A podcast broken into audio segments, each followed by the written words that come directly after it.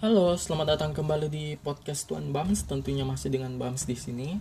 Dan pada kesempatan kali ini, kita akan membahas sesuatu yang menarik yang belakangan sedang menjadi pembicaraan halayak ramai di publik, di media massa. Tentang apakah itu? Kita akan membahas tentang herd immunity. Untuk teman-teman yang belum mengetahui herd immunity itu apa, bagi sejumlah kalangan, herd immunity dianggap sebagai solusi yang tepat untuk menekan penyebaran atau menyelesaikan pandemi COVID-19. Nah, untuk teman-teman yang belum mengetahui herd immunity itu apa sih sebenarnya? Herd immunity itu adalah sebuah kekebalan kelompok yang mana kondisi kelompok ini sebagian besar dari mereka telah memiliki kekebalan terhadap suatu penyakit ataupun suatu virus. Nah, herd immunity di saat pandemi corona tentunya adalah kekebalan terhadap virus corona. Semakin banyak orang yang kebal terhadap virus corona, maka semakin sulit bagi virus ini untuk menyebar karena tidak banyak orang lagi yang dapat terinfeksi. Tetapi pada kenyataannya, apabila herd immunity dianggap sebagai jalan ataupun opsi yang paling tepat untuk menyelesaikan pandemi COVID-19 ini, saya rasa itu adalah sebuah opsi yang bukan terbaik. Dan saya juga tidak bisa mengatakan itu yang terburuk tetapi menurut saya bukanlah sebuah opsi yang terbaik. Kenapa demikian? Karena menurut saya dengan diterapkannya herd immunity itu sama saja kita mengiakan bahwa kita sudah ikhlas untuk kehilangan beberapa orang ribuan orang ataupun juta-jutaan orang yang bisa kita katakan tidak kita kenal ataupun yang kita kenal yang penting ataupun tidak penting dari hidup kita sudah siap kita terima kehilangannya atau kematiannya. Kenapa demikian? Karena seperti yang kita ketahui, COVID-19 dengan penyebaran yang sudah hampir ke seluruh negara telah memakan sangat banyak korban. 8 sampai 10% kematian telah dicatatkan oleh kematian secara global. Nah, apabila ini diterapkan, maka saya rasa bukanlah hal yang baik untuk diterapkan karena 8 sampai 10% ini adalah manusia. Apabila kita berkaca kepada hak asasi manusia, maka sama saja kita telah merebut hak asasi manusia secara terang-terangan. Kenapa demikian ya? Karena kita sudah mengetahui bahwa COVID-19 sangat berbahaya dengan dan dengan diterapkannya herd immunity sama saja kita mengiyakan bahwa kita telah menerima kematian seseorang ataupun kita telah menerima bahwa ada segelintir populasi yang lemah imunitasnya dan konsekuensi dari lemahnya imunitasnya adalah kematian dari dirinya sendiri dari individu tersebut. Dan menurut saya apabila ini diterapkan di Indonesia akan menjadi sebuah polemik baru mengingat Indonesia sendiri tentunya adalah negara yang memegang hak asasi manusia. Jadi saya rasa apabila pemerintah menerapkan yang namanya herd immunity, sama saja pemerintah mengiakan pembunuhan secara massal meskipun tidak secara langsung. Karena kenapa? Karena pemerintah tentunya sudah mengetahui bahwa bahayanya herd immunity herd immunity ini seperti apa apabila pemerintah tetap kekeh melakukannya sama saja pemerintah mengiyakan kematian secara massal pembunuhan secara massal kenapa demikian karena pemerintah di sini adalah pihak yang memiliki wewenang untuk menerapkan lockdown ataupun PSBB. Nah, membahas tentang PSBB juga. PSBB belakangan bisa dikatakan telah mengalami relaksasi. Pemerintah yang tidak melakukan herd immunity, menurut saya dengan relaksasi PSBB ini bisa dikatakan secara diam-diam telah mengiakan bahwa herd immunity itu sebenarnya telah dijalankan oleh Indonesia. Kenapa demikian? Karena relaksasi PSBB yang berupa pembukaannya pembukaan transportasi umum, bandara, dan beberapa mall dan pusat perbelanjaan yang buka saya rasa bahwa hal ini telah mengiakan bahwa Indonesia secara tidak langsung pemerintahnya telah mengiakan herd immunity.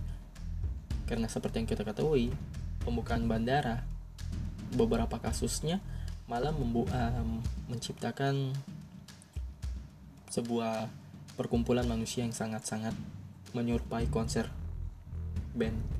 Dan di mall pun demikian sangat-sangat banyak orang bertumpuk yang hal ini tentu saja tidak sesuai dengan sistem jaga jarak yang sedang diterapkan oleh Indonesia dalam hal ini PSBB. Maka dari itu apabila pemerintah tetap melakukan relaksasi PSBB dengan tidak melakukan pengawasan yang memang sangat-sangat ketat, maka saya rasa pemerintah memberikan relaksasi terhadap kemungkinan kematian seseorang. Utamanya saat ini dengan jumlah kasus yang telah mencapai 20.000 positif corona di Indonesia, tenaga medis telah kewalahan.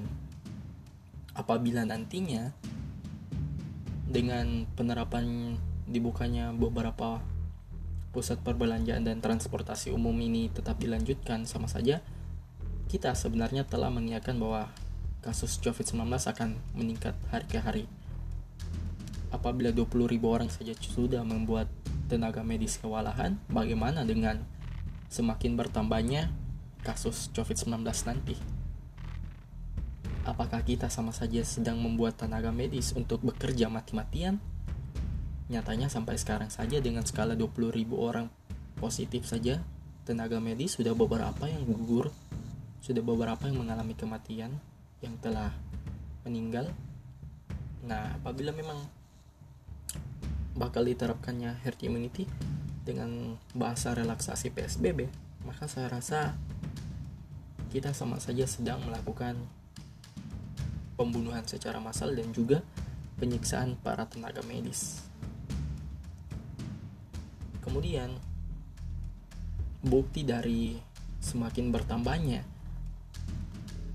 positif 19 ini dengan relaksasi PSBB, hal ini bisa kita lihat pada berita ataupun berita terkini tentang COVID-19 pada hari ini yaitu terjadi penambahan sekitar 973 pasien positif corona di Indonesia yang mana hal ini telah membuktikan bahwa ini merupakan sebuah pencapaian baru, pencapaian ataupun rekor tertinggi di Indonesia untuk kasus pertambahan seharinya, hampir mencapai 1000 orang. Kemudian juga bisa dilihat dari di Jakarta sendiri sudah mencapai meskipun ada himbauan ataupun larangan untuk mudik, kenyataannya ada sekitar 3.008 ribu mobil yang ataupun kendaraan yang meninggal bergerak meninggalkan Jakarta. Hal ini tentu bertentangan dengan yang namanya mudik, larangan mudik. Apabila memang nantinya herd immunity akan tetap diterapkan di Indonesia, saya rasa akan sangat berbahaya karena herd immunity sebelum dilakukan setidaknya harus ada beberapa orang yang telah kebal terhadap penyakit ini. Pada kenyataannya, bahkan pasien yang positif corona setelah sembuh masih ada beberapa yang positif kembali dengan kata lain setelah positif dan sembuh belum dapat dikatakan Anda telah kebal dengan virus tersebut. Maka dari itu akan sangat berbahaya apabila tetap kita kekeh untuk menerapkan herd immunity. Karena kenapa? Karena seperti yang saya katakan yang sembuh pun masih ada kemungkinan untuk positif kembali. Sekalipun dia belum positif tetapi apakah dia telah terpapar dengan virus ini dan menyebarkannya kepada orang lain? Utamanya orang-orang yang memang imunitasnya rendah? Apakah ini akan menjadi pilihan baik untuk melihat pemakaman secara massal mau jatuh kali ini atau jatuh seterus-terusnya kemudian.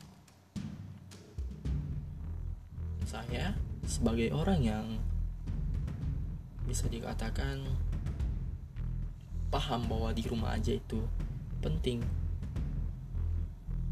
Dan juga meskipun saya juga sering keluar dalam artian bukan hal-hal yang meninggalkan situasi ataupun mengabaikan protokol kesehatan saya merasa bahwa penerapan herd immunity ini sama saja pemerintah sedang melakukan pembunuhan secara massal yang telah direncanakan. Maka dari itu ya saya menyarankan bahwa herd immunity ini tidak perlu dilakukan karena seperti yang kita ketahui akan sangat berisiko kita kehilangan banyak sekali orang penting. Entah itu secara penting secara individu ataupun penting secara negara. Ya siapa yang mau kehilangan orang-orang terdekatnya? Meskipun kita harus berdamai harus berdampingan dengan COVID-19 tetapi apabila dia merebut salah satu dari orang terdekat kita saya rasa kita tidak bisa berdamai dengan baik-baik mungkin itu saja. Sekian dan salam Tuan Bams. Ingat tetap di rumah aja